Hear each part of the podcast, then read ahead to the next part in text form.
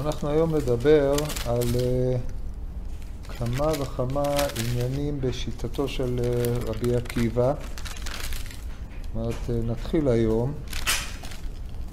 ונראה לאן נתגלגל עם זה.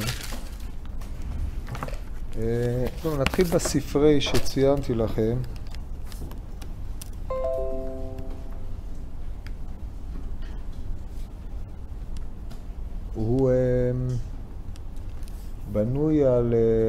הפסוק ואהבת את השם אלוקיך בכל לבבך ובכל נפשך ובכל מאודיך ומה שמייחד אותו, אני ציינתי לכם רק את החלק האחרון שבספרי, אבל uh, צריך לראות את המכלול. רבי עקיבא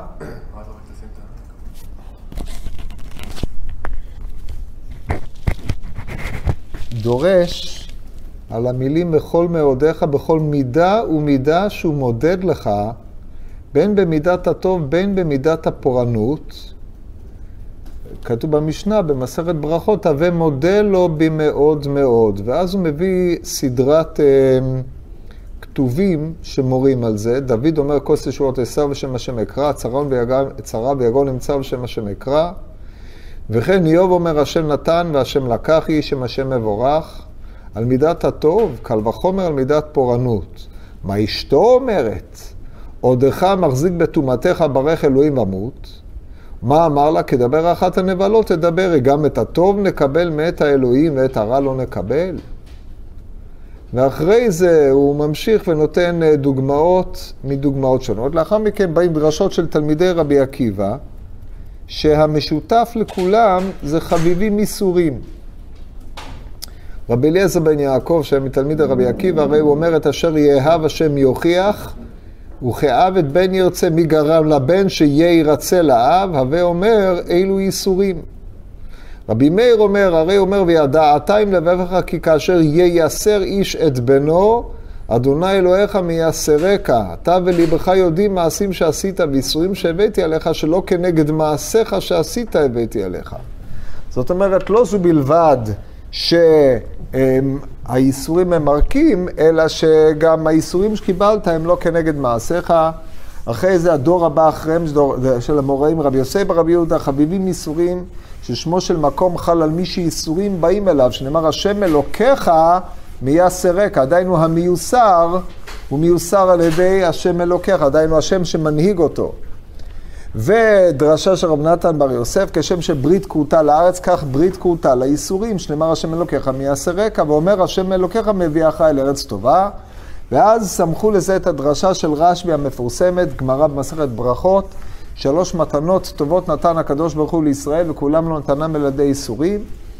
ומסיימים במימרת רבי נחמיה. חביבים מייסורים שכשם שקורבנות מרצים, כך ייסורים מרצים. זאת אומרת, פה יש לנו תפיסה שמרוממת את הייסורים כולם, פועל יוצא של תורתו של רבי עקיבא, שעליה נדבר. אני רציתי לפתוח את הדיון בשיטתו של רבי עקיבא בהגדה שמופיעה בסוף, שהיא מרתקת ביותר, ופה אנחנו רואים, רואים נועזות. וחדשנות חשיבתית של רבי עקיבא שיוצאת מגדר הרגיל. אומרת, אומר המדרש, כבר היה רבי אליעזר חולה, ונכנסו רבי טרפון ורבי יהושע ורבי אלעזר בן עזריה ורבי עקיבא לבקרו. פה יש לנו עניין מעניין בסדר התנאים, כי סדר התנאים לא נפל במקרה. עקרונית, רבן גמליאל היה צריך להיות שם, מפני שהוא היה הנשיא. רבי יהושע היה אב בית דין, רבי אלעזר בן עזריה, הוא היה אה, מתחלף עם רבי, עם אה, רבי אה, אלי, רבן גמליאל, ורבי עקיבא, הוא היה החכם. אבל רבן גמליאל נפטר, כמו שאומרת הגמרא במסכת ברכות, בדף נ"ט, אה, מסכת בבא מציע בדף נ"ט. ורבי טרפון שהוא מקביל של רבי עקיבא מבחינת אה, חכמי יבנה, היה צריך להופיע לפני רבי עקיבא, רבי עקיבא ורבי טרפון. אף על פי כן הקדימו אותו לרבי יהושע ורבי אליעזר, רבי אלעזר בן עזריה, ואנחנו נראה, צריך לתת את הדעת למה. הם נכנסו לבקרו. אומר אה, רבי טרפון, אז כולם באים לבקר את החולה, אז באים אה, לעודד את החולה בכל יום. ולתת אה, לו, להסביר את חשיבותו של אה, אה, רבי אליעזר, ועל ידי כך לעודד אותו. ההנחה היא שהחולי הזה הוא כנראה החולי שהוא ימות בו. כן, יש לנו אגדה אחרת במסכת בסנהדרין, בדף ס"ח, ובמקבילה בזה בירושלמי, במסכת שבת ב' ה', ב' ה', על כשרבי אליעזר עומד להיפטר מן העולם, ואז התירו לו את הנדר. כאן אמ, הם באו אליו אה, בלי להתייחס לעובדה שהוא היה מנודה. מכל מקום נראה את הדרשות השונות. ארבע הדרשות, אה, שלוש הדרשות של אה, רבי טרפון, רבי יהושע ורבי אלעזר בן עזריה, כולן בנויות על עיקרון אחד. אומר רבי טרפון, רבי, חביב אתה לישראל מגלגל חמה. שגלגל חמה מאיר בעולם הזה, ואתה הארת בעולם הזה ובעולם הבא. אמר לו רבי יהושע, רבי, חביב אתה לישראל ממתן גשמים, שגשמים נותנים חיים בעולם הזה, ואתה נתת בעולם הזה ובעולם הבא. אמר לו רבי אלעזר בן עזריה, רבי, חביב אתה לישראל מאב ואם, שאב ואם מביאים לעולם הזה, ואתה הבאת בעולם הזה ולעולם הבא. אז יש פה הדרגה מרתקת. ובגלל ההדרגה הזאת באה ההדרגה, הסדר של אותם תנאים. רבי טרפון מדמה את רבי, עקיב, את רבי אליעזר לגלגל חמה, רבי יהושע למתן גשמים ורבי אלעזר בן עזריה לאב ואם. כמובן אתם רואים שזה דרגה זו למעלה מזו. גלגל חמה מאיר בעולם הזה. זאת אומרת, הוא מאפשר לאנשים לראות מה הם עושים. הוא נותן, אה, כשאנחנו מדברים על ההיבט של גלגל חמה מאיר לעולם הזה, זה הוא מאיר את עיניהם של האנשים כדי שיוכלו לחיות את חייהם בצורה סבירה וברורה. אבל אתה הארת בעולם הזה ובעולם הבא. זאת אומרת, תורתך, שהיא כנגד השמש, כמו שאנחנו רואים במזמור בתהילים י"ט, אה, בהקבלה שבין השמש לבין התורה, אמ, השמיים מספרים כבוד אל, והוא כחתן יוצא מחופתו, יעסיק גיבור לרוץ אורח מקצה שמיים מוצאו, תקופתו על קצותיו ואינם סתם מחמתו, ואז תורת השם תמימה, משיבת נפש, דהיינו היחס בין השמש כמי שמאירה בעולם הזה, לבין תורת השם שהיא מאירה את נפשו של האדם. הרי שרבי אליעזר פה מייצג את התורה המאירה או הערתו של רבי אליעזר היא בעולם הזה ובעולם הבא. דהיינו, יש לו יתרון על פני uh, הגלגל חמה, שהוא רק נותן uh, הערה לגופות, ואילו רבי אליעזר האיר את הנפשות, זה דבר שיוצר uh, חיבור בינם לבין העולם הבא. רבי יהושע מדמה אותו למתן גשמים. הגשם הוא שורש החיות שבעולם. הם נותנים חיים בעולם הזה, דהיינו, הם מאפשרים גידול וצמיחה, כמו שאמר הנביא, כי כאשר ירד הגשם והשלג מן השמיים, ושמה לא ישוב עד כי מרווה את הארץ והולידה והיא צמיחה ונתן זרע לזורע ולחם לאוכל, שזה בסיס החיים שבעולם הזה. רבי אליעזר, לדברי רבי יהושע, נתן חיים בעולם הזה ובעולם הבא. הערה לעומת מתן חיים, ברור שמתן חיים היא הדרגה המדרגה הגבוהה יותר, זאת אומרת, הוא נתן משמעות לקיומם של אותם אנשים, ונתן להם אפשרות לדבוק בחי... במקור החיים, ואתם הדבקים בהשם אלוקיכם, חיים כולכם היום. רבי אלעזר בן עזריה מרומם את מדרגתו עוד יותר. חביב אתה לישראל מאב ואם. אב ואם מביאים לעולם הזה. אתה הבאת בעולם הזה ולעולם הבא. בשביל מה לעולם הבא, אנחנו יודעים, אבל איך הוא הביא בעולם הזה? מה הוא עשה? אחרי ככלות הכל, הם נולדו מאב ואם. אז יוצא שמה שהוא טוען זה שלידתו של האדם יש לה שתי מדרגות. יש האדם שנולד לידה פיזית, אבל לידתו של האדם בהכרת המשמעות של מה שהוא עושה בעולם הזה, והלידה התודעתית של האדם, שכביכול הוא נולד מחדש ברגע שהוא מכיר את משמעות חייו, זה רבי אליעזר העניק לתלמידיו. זאת אומרת, מעבר למה שאמר רבי, אמר רבי יהושע, שהוא נתן להם את הכלים לדבוק בהשם שהוא מקור החיים, הרי שאליבא דרבי אלעזר בן עזריה, הוא הוליד את האפשרות שלהם לחיות חיים בכלל, חיים בעלי משמעות. אז לכן יש פה הדרגות שונות. הערה זה למי שהולך בחושך. הוא חי את חייו בצורה אפלה, בצורה לא ברורה, והוא בא ומאיר את עיניו. כסומה שבה מישהו, או אדם שמהלך בחושך, מישהו מדליק לו את הפנס או מדליק לו את האור. יש לנו הרבה משלים כאלה. העולם הזה דומה ללילה והעולם הבא דומה ליום. אם כן, הוא מאיר, הוא מאיר לאדם הזה הערה כדי שבעולם הזה הוא יראה את הדרך להגיע לעולם הבא, אבל על כל פנים, הפועל והמהלך הוא האדם עצמו, אלא שרבי אליעזר הוא המאיר את דרכו. מה? זה רבי טרפון. אני חוזר להדרגה. השלב הבא נותן חיים. זה שהוא הופך, הוא מאפשר לו לדבוק בהשם יתברך, באופן שבו הוא לימד. בתורה שרבי אליעזר לימד ובאורחות החיים שהוא לימד אותם, אז החיים שלהם הפכו להיות חיים בעלי משמעות ובעלי אפשרות של דבקות בהשם יתברך, שזה מדרגה יותר גבוהה, בעוד שאליבא דרבי טרפון זה רק הערה, הרי אצלו זה הענקת חיים. אליבא דרבי אלעזר בן עזריה זה הולדת האדם באשר הוא, דהיינו אה, חידושו ממש. אז אתם רואים איזה הערצה הייתה, לו, הייתה להם. עכשיו, מה המגמה של שלוש האמירות האלה כשהיה רבי אליעזר חולה?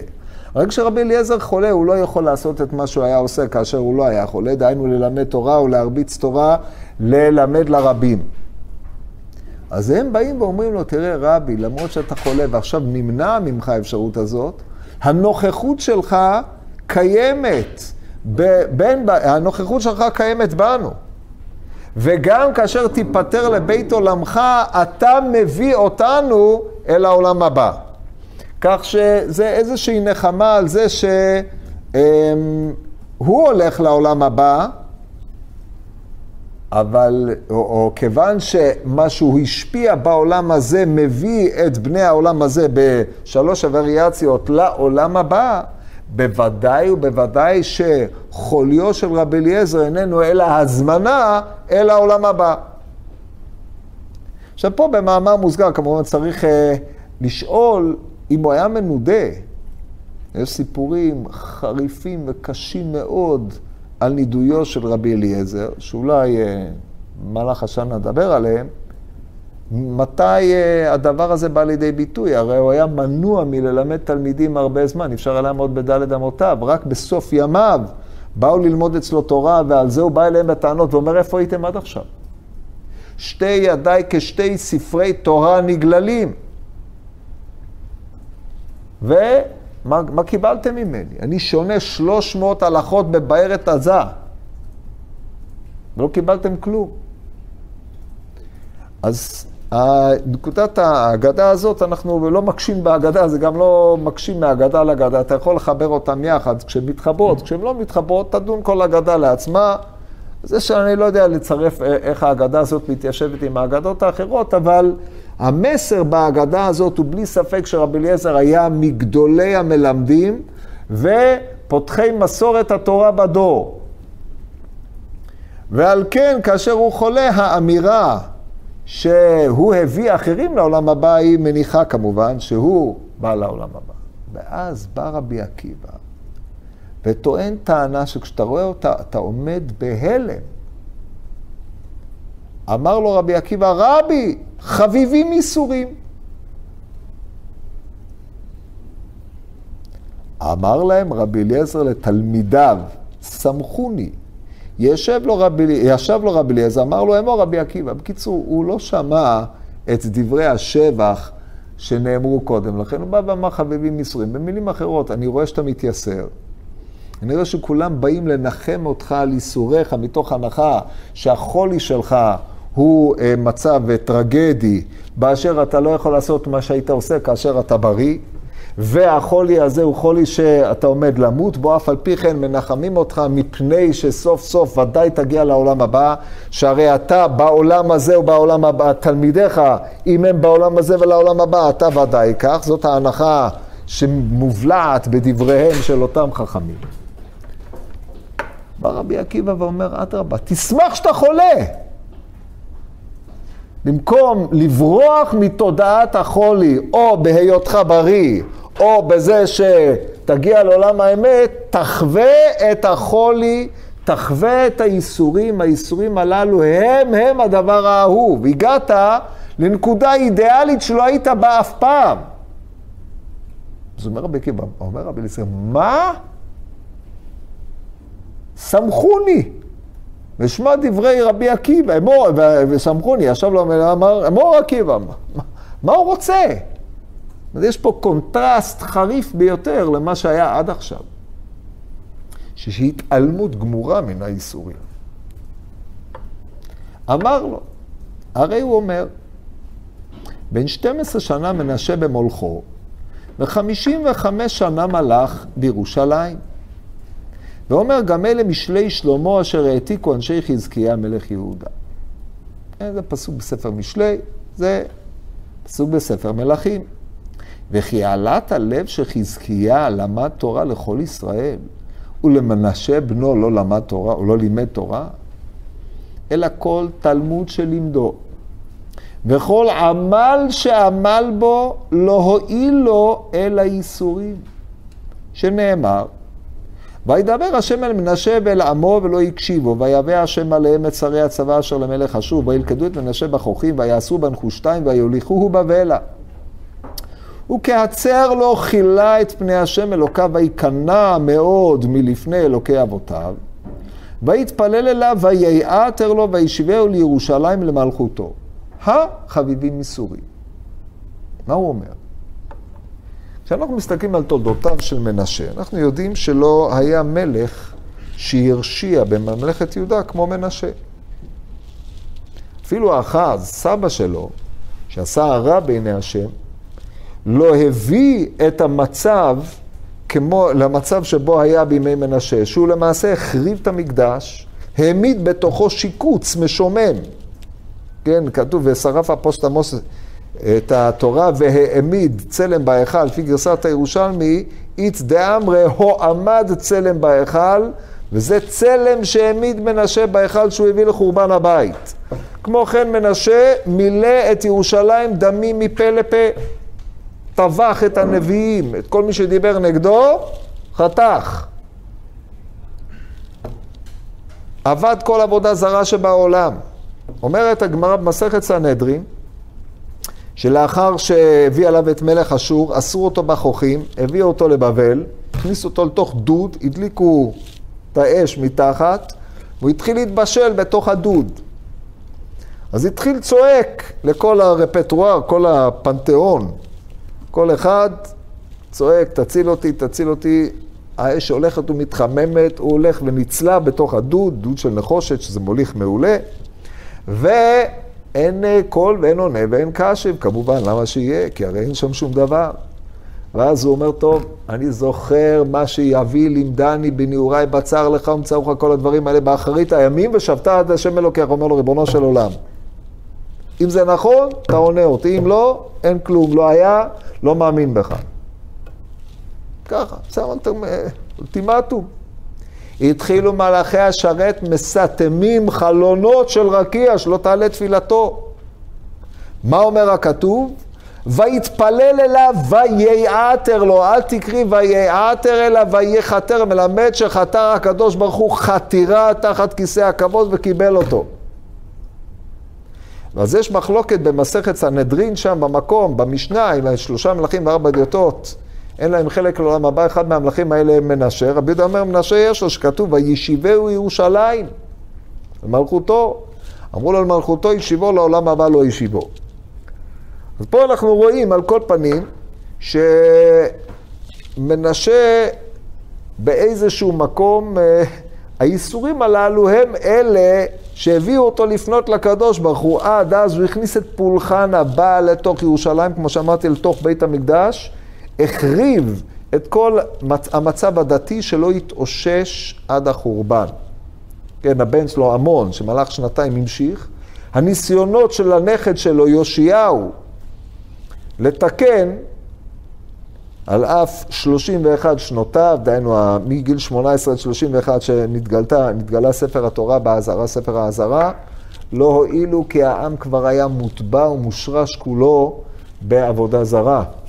אחרי הדלת שמת זיכרונך, כמו שידוע, מה שאומרת הגמרא, שהעבודה זרה הייתה בפנים מאחורי הדלת, היית פותח, היית רואה הכל טוב, אבל כאשר היו יוצאים, היו חוזרים לפולחן שלהם. והדבר הזה הביא סוף, בסופו של דבר לחורבן הבית ולגלותם של ישראל. כל זה נתלה לחובתו של מנשה. אז עד כאן הסקירה ההיסטורית הקצרה, כיוון שהדברים הללו מתפרשים יותר בספר דברי הימים ב', פרק ל"ג, מאשר בספר מלכים, כל הסיפור הזה בפרט, אז לכן אה, ראיתי לנכון להסביר את זה, ראוי שתקראו את העניינים הללו בפנים בספר דברי הימים. בכל מקרה, נחזור לדברי רבי עקיבא.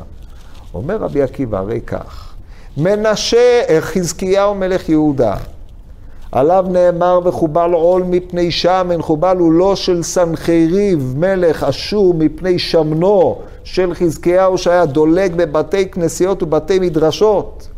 נעץ חזקיהו חרב בבית המדרש ואומר כל מי שלא בקיא בטהרות ידקר בחרב זו ולא היו תינוק ותינוקת שלא היו בקיאים בטהרות בזמנו של מנשה, אה, חזקיהו מלך יהודה. אם הדבר כך, ואלה משני, משלי שלמה אשר העתיקו אנשי חזקיה מלך יהודה.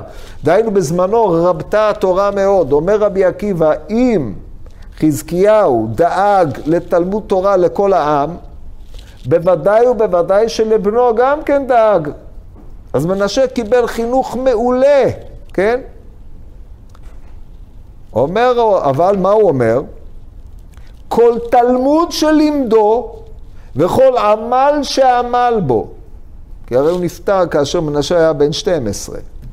אבל מה שהוא למד מגיל שלוש, משעה שהוא התחיל ללמוד אותיות, לימוד uh, כתובים, מקרא, משנה ומה שהוא הספיק, הוא כנראה אדם מוכשר, אז הוא גם הספיק ללמוד uh, חצי ש"ס ולעשות uh, סיום ש"ס בגיל 12. אם כל הדברים האלה היו כאלה, היו, היו כמה. רב נפתול מרופשיץ, שאני מניח שכולם יודעים מי הוא. אני טועה? הרופשיצר. יש מישהו שלא יודע מי הוא? אמ, איך אני אספר לכם עליו? הוא היה החותן של הדברי חיים, לא, לא, לא החותן של הדברי חיים, הוא היה הרבה של הדברי חיים, צאנץ. טוב, נו, תסתכלו עליו, הוא היה אדם אה, חסיד מפורסם. הוא היה מתלמידי אה, החוזה מלובלין, ובקיצור, חסיד נפלא, בעל חוש הומור יוצא מגדר הרגיל, שלמד אצל דודו רב משולם מאיגרא, עד גיל בר מצווה סיים ש"ס ארבע פעמים. בגלל שהיה חכם, אבל שם לא התבטלו, למדו כל הזמן. אז זה מנשה, עם אבא כמו חזקיהו, שדאג שכל תינוק ותינוקת ידעו סדר טהרות בעל פה, אז הוא גם כן מן הסתם חזר על התלמוד כמה פעמים, שהרי כל תלמוד שלימדו וכל עמל שעמל בו, אם כל זה לא הועיל. הדבר היחיד שהועיל להחזירו למוטב זה אותם איסורים. הדוד שהדליקו תחתיו אנשי, שם בבבל, אנשי מל, מלכי אשור, ואז הוא צעק, חזר אל השם, וייכנע מאוד מלפני אלוהי אבותיו. והייסורין הללו הביא אותו לכניעה, ויתפלל אליו ויעתר לו. אז הוא אומר, הנה, מפה מוכח שחביבים ייסורים. אבל מוכח כבר הרבה יותר חמור. אל מי אתה מדמה את אה, מנשה? מה הוא אומר לרבי אליעזר? הוא אומר לו, רבנו, מה אתה מתבכיין על הייסורים? מה, אתה יותר טוב ממנשה? הרי גם הוא למד תורה. אמנם עד גיל 12, ואתה עד גיל לא יודע. הוא למד. אבל זה הועיל לו? לא הועיל לו, כלום. יש דבר אחד שהועיל לו. רק האיסורים. אז תשמח. אלמלא האיסורים, איפה היית היום? אתה קורא את הדבר, עכשיו, זה מה שכתוב בהגדה, שלא תבינו, זה לא הפרשנות שלי. אולי זו אינטרפטציה אה, בסיסית, אבל זה מה שכתוב בהגדה.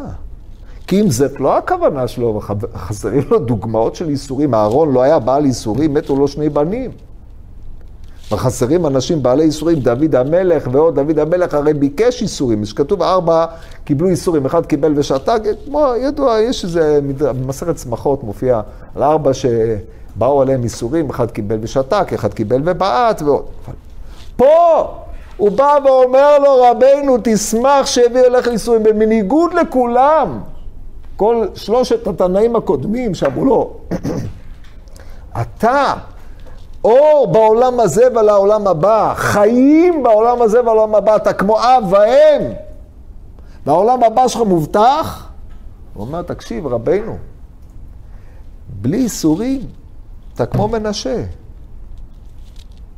איזה פנים, איך הוא יכול להגיד דבר כזה? מה הוא אומר לו לרבי אליעזר? עכשיו, רבי אליעזר היה בשוק מהדבר הזה, אבל זה דבר מזעזע נורא. ופה זה מבוא להתחיל להבין איך רבי עקיבא רואה את העולם.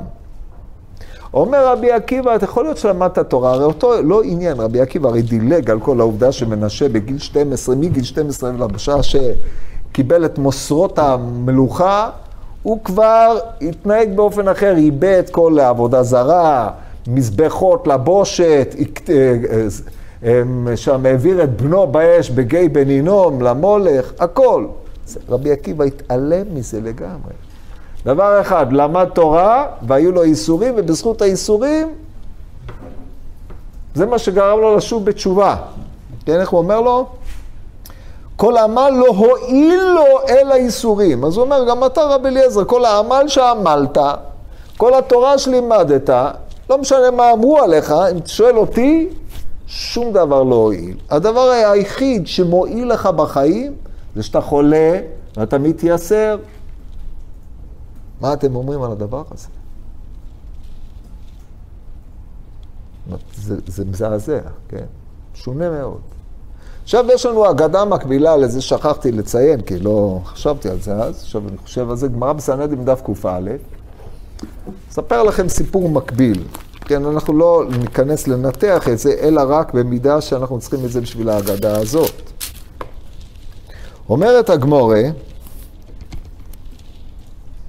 כשחלה רבי אליעזר נכנסו תלמידיו לבקרו. אמר להם, חימה עזה יש בעולם. כי הוא חולה. אם הוא היה בריא, אז הכל היה בסדר. אם, אם, אם זה פגע בי, אז... התחילו אין בוכין ורבי עקיבא משחק. אמרו לו, למה אתה משחק? אמר להם, וכי מפני מה אתם מוחים? אמרו לו, אפשר ספר תורה שרוי בצער. הוא ספר תורה. ולא נבכה? אמר להם, לכך אני משחק. כל זמן שאני רואה רבי שאין יינו מחמיץ, ואין פשתנו לוקה, ואין שמנו מבאיש, ואין דובשנו מדביש, אמרתי שמא חס ושלום קיבל רבי עולמות. הוא קיבל עולמות בעולם הזה, וישר משם לאיזשהו מקום, בהרשעה אחת. עכשיו שאני רואה רבי בצער, אני שמח. כי יש סיכוי שיגיע לעולם הבא. אז עונה לו רבי אליעזר ואומר לו, אמר לו, עקיבא, כלום חיסרתי מן התורה כולה? מה חיסרתי? יש דבר שלא עשיתי. אני מזוהה עם התורה לגמרי.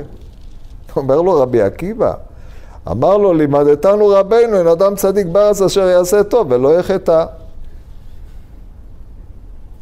ואז מופיעה האגדה הזאת, מה שאמרנו, רק פה זה מקוצר, כן, הספרי הזה מופיע גם פה. כן.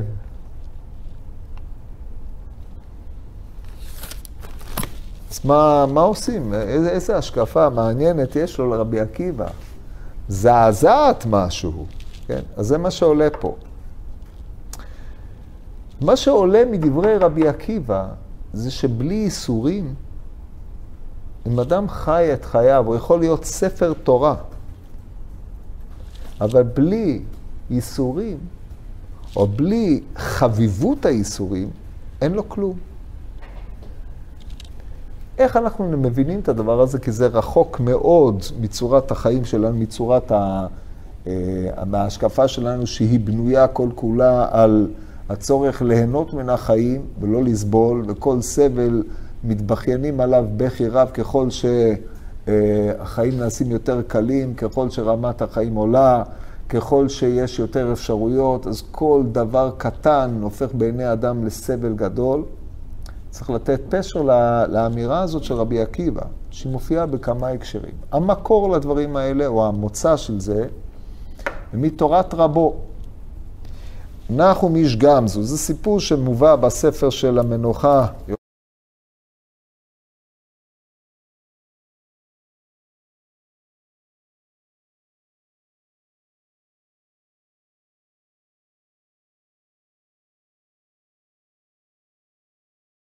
נחום איש גמזו.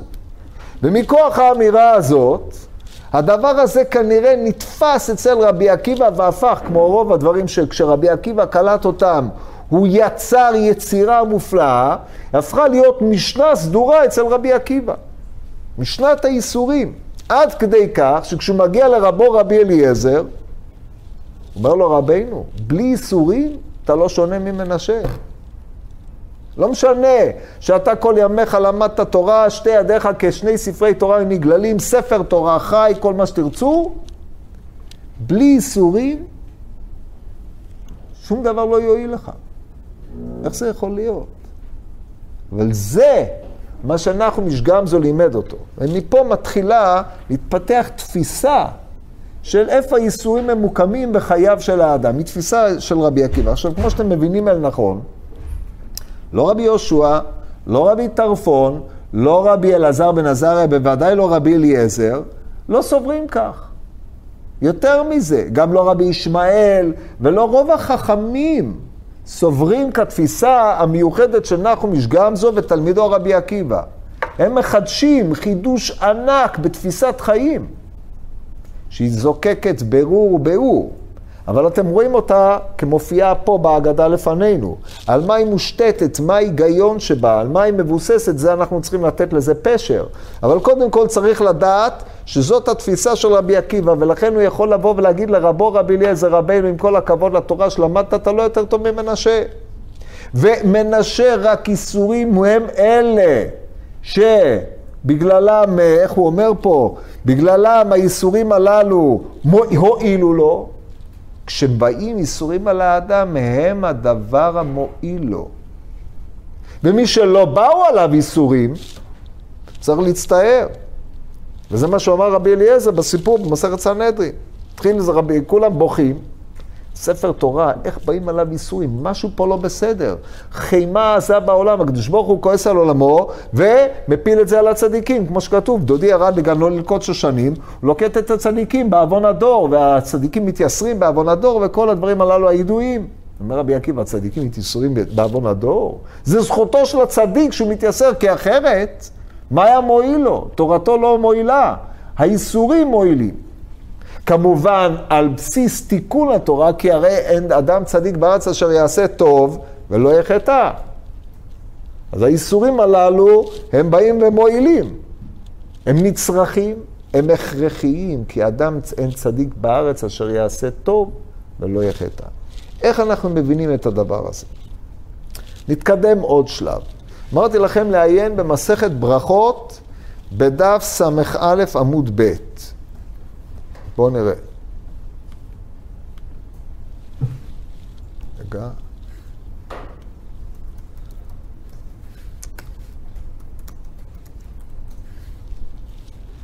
כן, שם זה הולך על הדרשה של ואהבת את השם אלוקיך בכל לבבך ובכל נפשך ובכל מאודיך. מחלוקת רבי אליעזר ורבי עקיבא. רבי אליעזר אומר אם נאמר בכל נפשך, למה נאמר בכל מאודיך? אם נאמר בכל מאודיך, למה נאמר בכל נפשך? אלא יש לאדם שגופו חביב עלה מממונו, כך נאמר בכל נפשך. יש אדם שממונו חביב עלה מגופו, לכך נאמר בכל מאודיך. רבי עקיבא אומר בכל נפשך, אפילו נוטל את נפשך.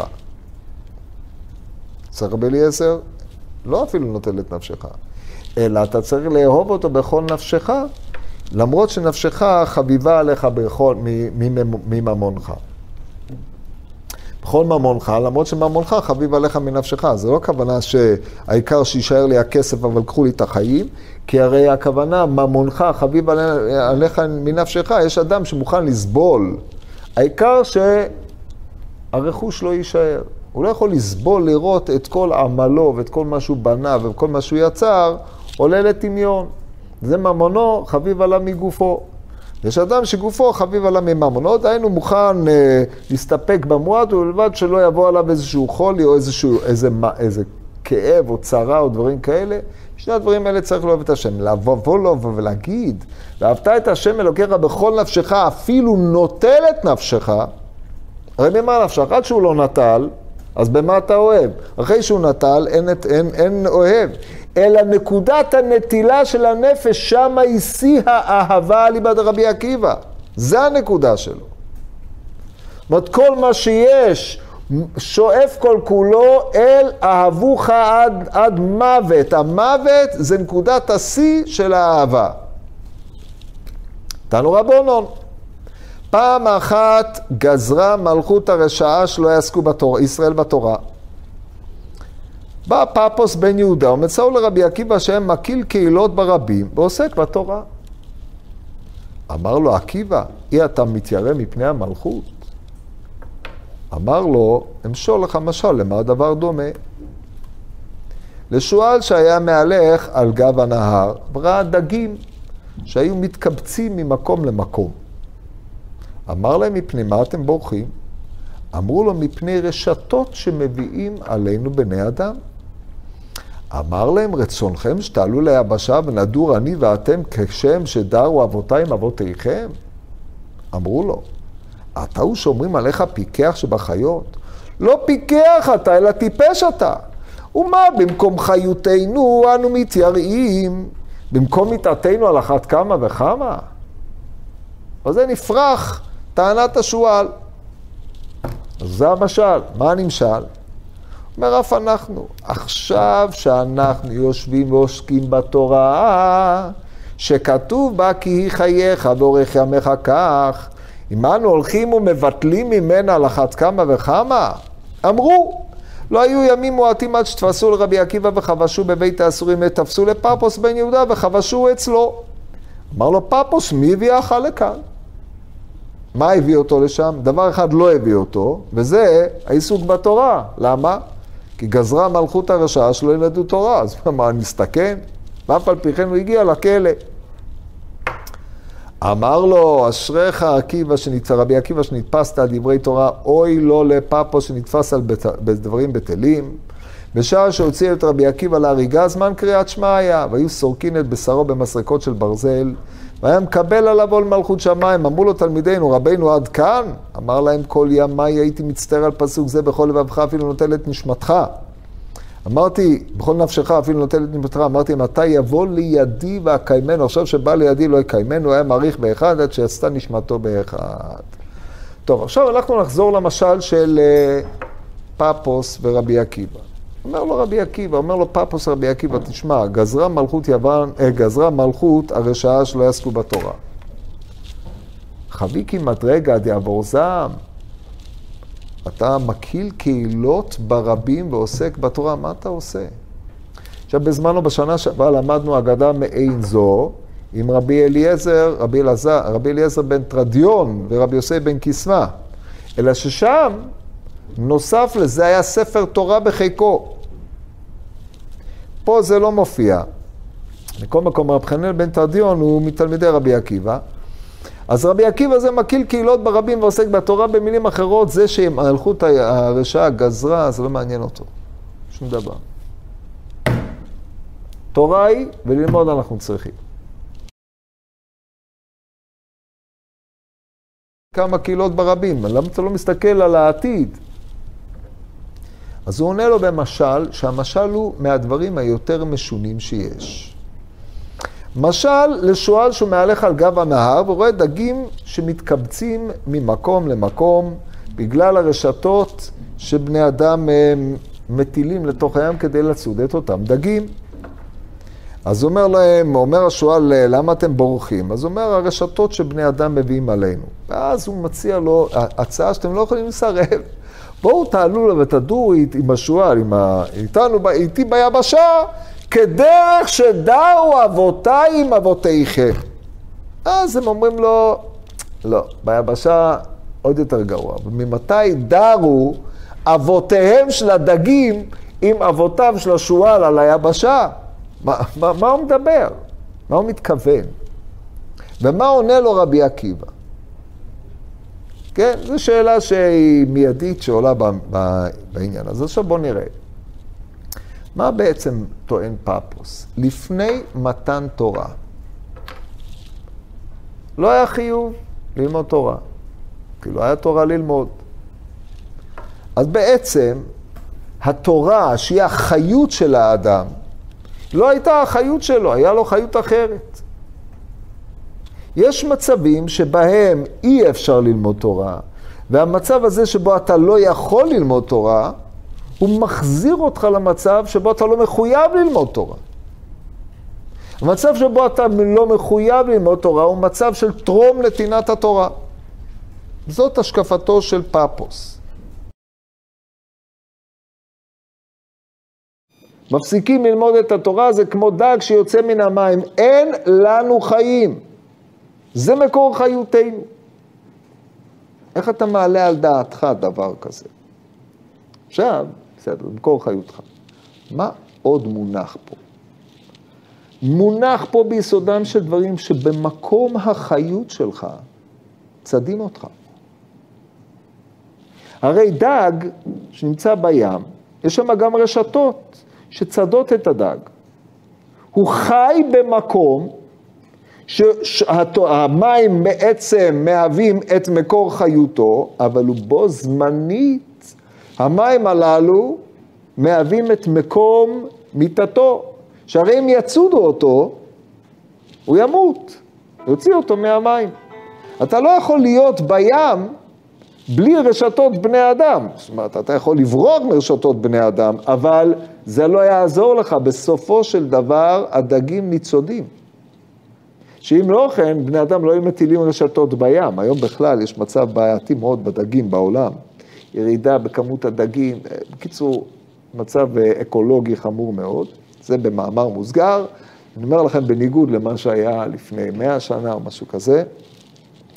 אבל טוב, יהיה אשר יהא. הכלל הוא שהמים שהם מהווים את מקור חיותם של הדגים, התורה שהיא מהווה את מקור חיותם של ישראל, היא גם פורסת רשת לרגלי הלומדים. אתה לא יכול לא ללמוד, כי אחרת אתה תמות, אבל אם תלמד, תמות.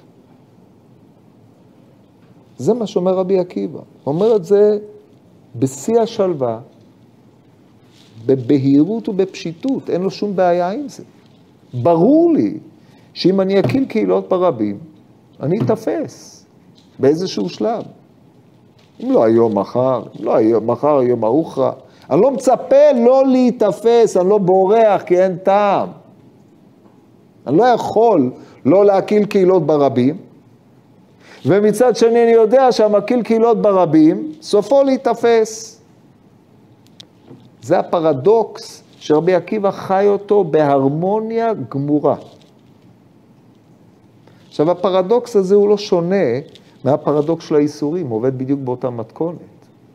אתה חי את החיים שלך, חי את התורה שלך, כמו שאומר לרבי אליעזר. כמו שחזקיה לימד את מנשה בנו תורה, ולא הועילו, החיים הללו, אתה חי אותם. בלי שמתלווים להם איסורים, אתה לא חי את החיים האמיתיים, כן, צדיק בארץ אשר יעשה טוב ולא יחטא. האיסורים, לפי רבי עקיבא, הם, הם חלק אינטגרלי מהחיים. לא רק שהם חלק אינטגרלי מהחיים, המצודה הרודפת את האדם החי, לא את האדם הבורח מהחיים, שזה פאפוס, שרוצה לחזור למה שהיה בעידן הפרה-היסטורי, דהיינו לפני שהחיים ניתנו בעולם, שזה התורה, שהיא החיים, אדם שבורח מזה בכלל לא חי. אבל הוא חי. והחיים הללו עם התורה, כשהקדוש ברוך הוא נתן את תורתו, ירדה שנאה לאומות, בהר סיני נקרא שמו סיני, מפני שירדה שנאה לאומות העולם עליו, כך אומרת הגמרא, והרדיפה אחרי לומדי התורה קיימת. היא הולכת בד בבד עם זה, ואי אפשר בלעדי זה. ולא רק שאי אפשר בלעדי זה, אלא זה הופכת להיות אידיאל. כל ימיי, אומר רבי עקיבא, הייתי מצפה שיבוא מקרא זה לידי ואקיימנו, בכל לבבך אפילו נוטל את נפשך, כיוון שאדם לא יכול לעשות את זה בעצמו. וכיוון שכשאדם מגיע לסוף חייו בגסיסה, הרבה פעמים מתערפלת תודעתו, אז הדרך היחידה לקיים את ואהבת את השם אלוקיך בכל נפשך, זה שיתלו את נפשך. זה האידיאל הגדול של רבי עקיבא רואה, אתם מבינים איפה זה עומד? זה פשוט לא יאומן. זאת תפיסת רבי עקיבא על התורה המשולבת בקיצוניות של איסורים, כאשר השיא הוא נטילת חייו. הוא לא רואה באופן אחר. עכשיו, זה, אלה, מה שראינו עכשיו, את ההגדה הזאת, מה שאומר לרבי אליעזר, את החביבים איסורים, הגמרא בסנהדרין, מה שהוא אומר פה, הם חלקים מתפיסה סדורה של רבי עקיבא על היחס, על היחס לחיים בכלל, והאיסורים המשולבים בחיים בפרט. וזה חוזר על עצמו פעם אחר פעם בדברי רבי עקיבא. אנחנו צריכים להבין, זו המטרה שהיום פתחתי בפניכם את הסוגיה הזאת, שהיא סוגיה מרתקת, צריכים להבין מהי ההשקפה הזאת של רבי עקיבא, שבעקבותיה כל דרשותיו של תלמידיו, שפתחתי בהם את השיעור בספרי הזה, חביבים איסורים, רבי אליעזר בן יעקב, רבי מאיר, רבי יוסי ברבי יהודה, שהוא תלמיד תלמידו, רבי שמעון בר יוחאי, בשלושה דברים, שלוש מתנות נתן הקדוש ברוך הוא לישראל ולכולם לא נתנם אלא על ידי איסורים. אחד מהם זה התורה. כי נר מצווה ותורה אור ודרך חיים תוכחות מוסר. ועוד, או כאשר ארץ ישראל לא נקנית על ידי איסורים, האיסורים הופכים להיות חלק אינטגרלי ממה שמעמיד את האדם על חייו. למה הדבר צריך להיות כך? זאת השאלה שאנחנו צריכים לתת, לתת עליה את הדעת. לפעם הבאה נדון באגדה שעוסקת ישירות באיסורים, אני אתן לכם עוד מראה מקום בעזרת השם בשבוע הבא, במסכת, אה, מסכת אה, עבודה זרה, שאמרתי לכם, עבודה זרה דף נ"ה, שם אגדה סתומה מאוד שהתקדם אותנו קצת בהבנת העניין. זה מספיק לעכשיו.